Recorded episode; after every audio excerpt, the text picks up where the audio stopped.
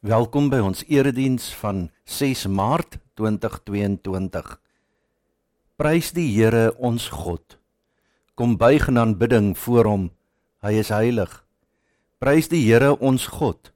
Buig voor hom want die Here ons God is heilig. Ek groet julle in die naam van die Vader en die Seun en die Heilige Gees.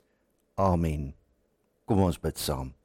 Here Baie dankie vir die voorreg om weer in U naam by mekaar te mag wees, om U woord te mag oopmaak en daaruit te lees en te leer en te hoor en te verander. Help ons dan dat ons deur die Heilige Gees werklik U stem kan hoor, U wil kan hoor en dat ons daardeur kan groei en kan word wat U ons beplan het om te wees. In 'n wêreld waar daar soveel donker en duister is, Here, gebruik ons om U lig in hierdie wêreld te laat skyn nie ons lig nie, maar u lig. En daarom vra ons deur die Heilige Gees, raak ons aan. Amen. Ons lees saam uit Eksodus 32. Eksodus 32 van vers 1 af. Toe die volk sien dat Moses talm en nie van die berg af kom nie, het hulle om Aaron saamgedrom en vir hom gesê: "Kom maak vir ons 'n god dat hy ons kan lei." Hierdie man Moses het nou wel vir ons uit Egipte laat wegtrek, maar ons weet nie wat van hom geword het nie. Aaron het hulle geantwoord: "Haal die goue oorringe van julle vrouens, julle seuns en julle dogters se ore af en bring dit vir my." Die hele volk het toe die goue ringe van hulle ore afgehaal en dit vir Aaron gebring. Hy het dit van hulle ontvang, dit verwerk en daarvan 'n beeld in die vorm van 'n bulkalf gemaak. Toe sê die volk: Hier is jou God wat jou uit Egipte bevry het, Israel. Toe Aaron dit hoor, het hy 'n altaar voor die beeld gebou en uitgeroep: "Môre is daar fees vir die Here." Vroeg die volgende môre het die volk brandoffers en maaltydoffers geoffer. Daarna het die volk begin feesvier en losbandig te kere gegaan. Toe sê die Here vir Moses: "Klim van die berg af, want jou volk wat jy uit Egipte laat wegtrek het, het iets vreesliks gedoen. Hulle het gou die pad verlaat wat ek vir hulle aangewys het en hulle het vir hulle beeld van 'n bulkalf gemaak. Nou aanbid hulle hom en bring vir hom offers en sê: "Hier is jou God wat jou uit Egipte bevry het, Israel." Verder het die Here vir Moses gesê: "Ek het gesien dat dit 'n opstandige volk is hierdie moet my nie probeer keer nie. Ek is toornig op my volk en ek wil hulle vernietig. Vir jou sal ek dan tot 'n groot nasie maak. Maar Moses het by die Here, sy God gepleit en gesê: "Here, waarom is U toornig op die volk vir wie U deur U groot mag en met kragtige dade uit Egipte bevry het?" Waarom het die Egiptenaars kan sê hy het die Israeliete bevry met die bose plan om hulle tussen die berge dood te maak en hulle heeltemal te vernietig? Laat u toren bedaar en wees u volk genadig. Moet tog nie die ramp oor hulle laat kom nie. Dink aan wat u met 'n eed beloof het aan u dienaars, aan Abraham, Isak en Israel, toe u vir hulle gesê het: Ek sal julle nageslag so baie maak soos die sterre aan die hemel. Die hele landstreek wat ek beloof het, sal ek vir julle nageslag gee om vir altyd in besit te neem. Toe het die Here daarvan afgesien om die ramp waarvan hy gepraat het oor die volk te bring tot sover. Wat hier gebeur het is amper onverstaanbaar. Maar is die storie van die lewe. Mense vergeet so gou wat God vir hulle gedoen het omdat hy mos onsigbaar is dan begin die mense tasbare, sienbare goue kalf plaasvervanger soek. Dis die mense storie. God is groot. Hy's so groot dat ons nie genoeg woorde het om hom regtig te beskryf nie. En selfs ons beste beskrywings van God skiet ver te kort. God is heeltemal te groot dat ons dit kan ooit kan waag om 'n afbeelding van hom te maak. Ons kan voor die ware God kniel, hom aanbid en hom dien, maar tog kies die mens om vir homself ander gode te maak. Nog niks het verander van Israel se tyd af nie. Wat is afgoderry? Die Heidelbergse Katekismus antwoord: Dit is om in die plek van of naas God iets anders uit te dink of te hê waarop jy jou vertroue stel. Vandag gebeur dit nog steeds. In God se plek of naas God plaas mense hulle hoop en vertroue in ander dinge. Jou liggaam, jou sport, jou status, jou geld, jou eiendomme, jou prestasies, mag, noem dit op. As die goed wat in sigself goed is, jou lewe begin beheer of oorneem, dan het dit 'n afgod geword. Ek dink aan die storie van die jakkals.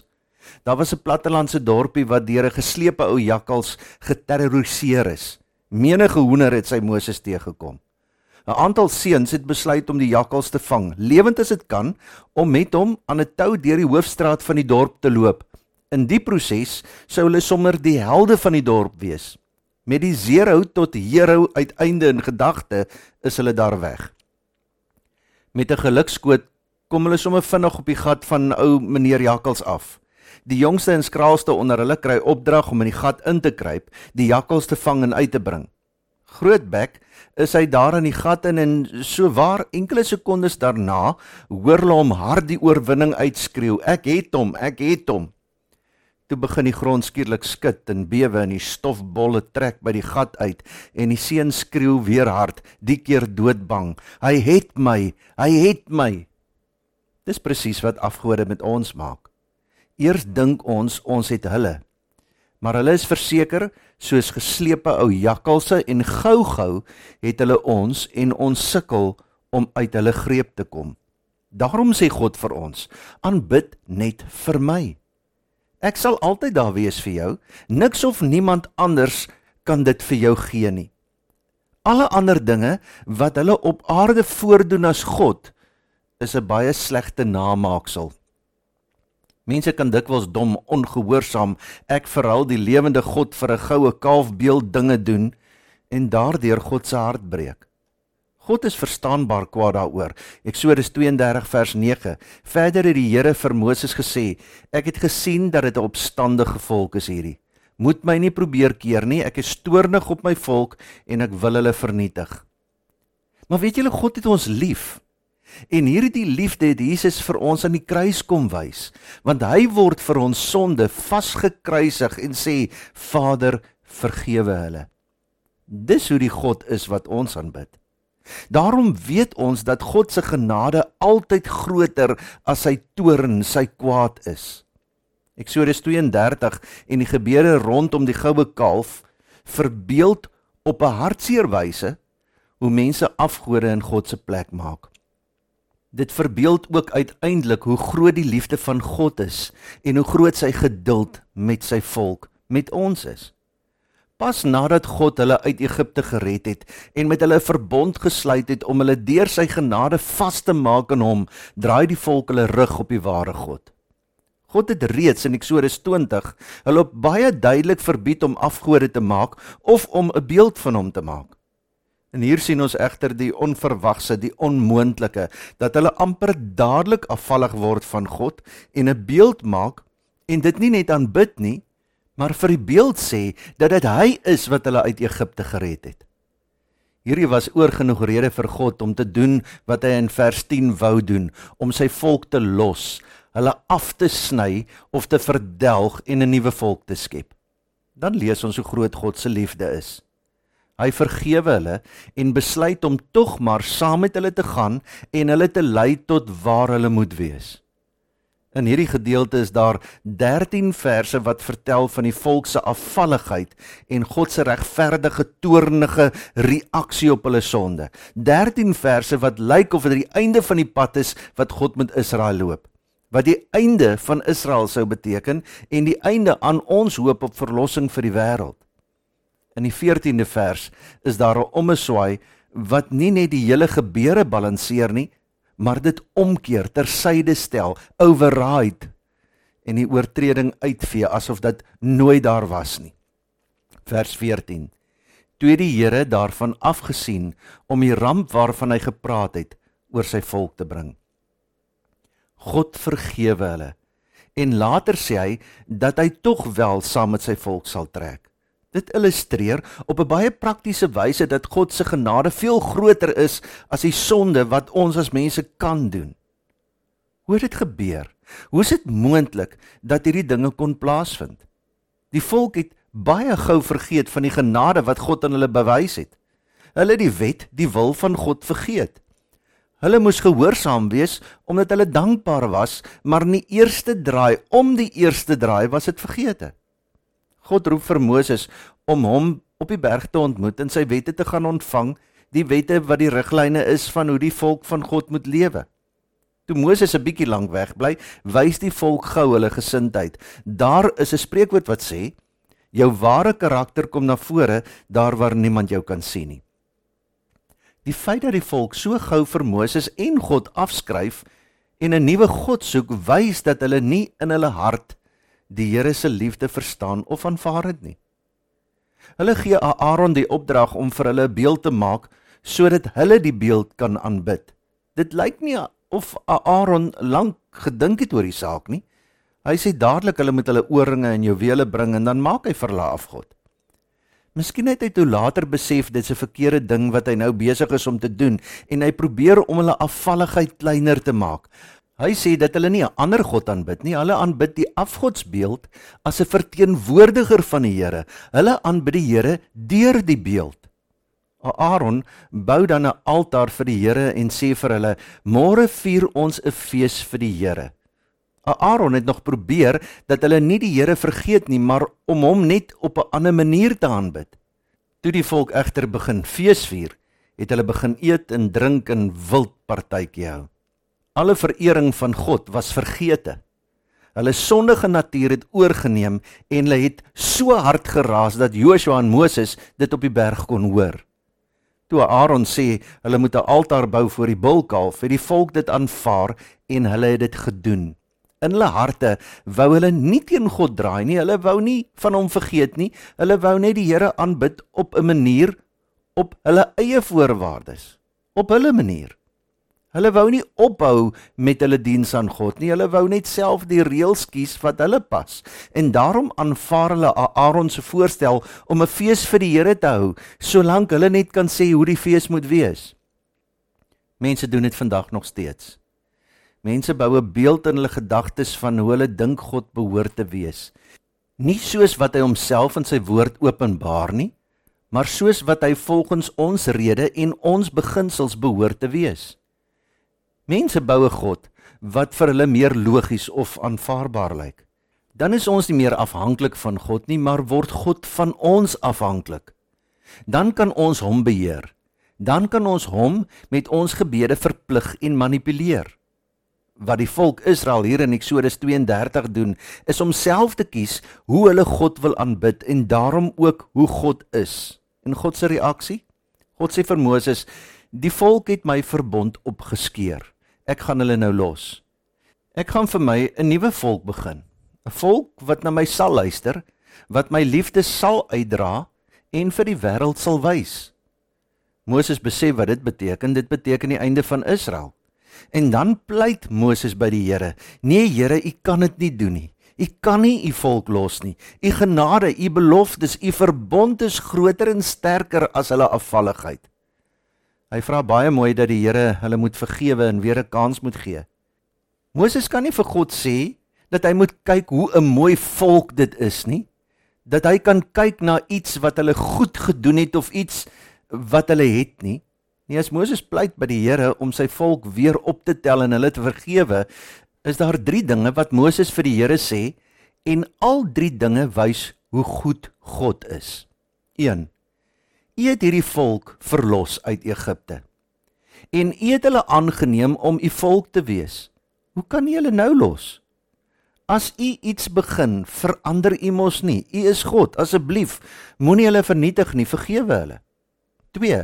Moses gaan verder en hy sê: "Here, as U nou U volk los, sal die Egiptenare die volk van God spot. Hulle sal die naam van God spot." 3. Laasens sê Moses vir die Here: "U het U belofte gegee. U het 'n verbond gemaak met Abraham, Isak en Jakob. Asseblief, Here, vergewe hulle sonde, aanvaar hulle weer." Dit is belangrik om te weet dat die verbond en ooreenkoms met Israel as volk amper hier gestop het. God het hulle amper hier afgesny en weggegooi. Hy het gesê dat hy nie weer jammer sal wees vir hulle nie. En tog doen hy dit. Sy hart is sag wanneer hy dink aan ons, want sy liefde vir mense is baie groot en God vergewe sy volk. Hy besluit om die prys te betaal om sy mense te red. Is ons vandag regtig baie anders as die volk van God daar by die berg Sinai? Klaarblyklik verskil die soort van sonde of die mate van afvalligheid dikwels met dit waarvan ons in Eksodus 32 lees. Maar is ons sonde in wese anders? Is dit nie ons waarvan die Bybel hier praat nie? Is God jou eerste prioriteit? Is hy jou begin en einde? Of is jy of iets anders in jou lewe maar eintlik jou God? Jy moet onthou, alles is net genade. Draai terug na God toe. Hy vergewe. Ons leef en bestaan deur die genade van God. Dit is deur God se genade dat ons sonde vergewe is en ons deel van God se volk gemaak is. En ander rondom ons? Moses stel vir ons 'n mooi voorbeeld wat jy en ek kan navolg. Hy gaan praat met God oor hierdie van die pad af mense en smeek vir God om hulle te vergewe. Moet nooit mense afskryf nie. Bid vir hulle. Amen. O Here, dankie dat U ons nie los nie. Dat die kruis en die leë graf daarvan vir ons 'n bewys is. Nie net dit nie, U sit aan die regterhand van die Vader en U tree vir ons in. U pleit vir ons nog steeds. Vergewe ons waar ons so maklik afvallig raak. Vergewe ons waar ons elke dag soveel dinge in U plek stel. Help ons Here dat ons sal word en sal wees wat U ons beplan het om te wees. Dat dit nie ons lig in hierdie wêreld sal wees wat skyn nie, maar U lig wat deur ons skyn. Vergewe my vir al die afgode in my lewe. Help my dat ek voor U sal kniel en voor U sal bly kniel. U is die Alfa en die Omega, die begin en die einde. Help ons Here. Amen. Die Here sal julle seën en julle beskerm. Die Here sal tot julle redding verskyn en julle genadig wees. Die Here sal julle gebede verhoor en aan julle vrede gee. Amen.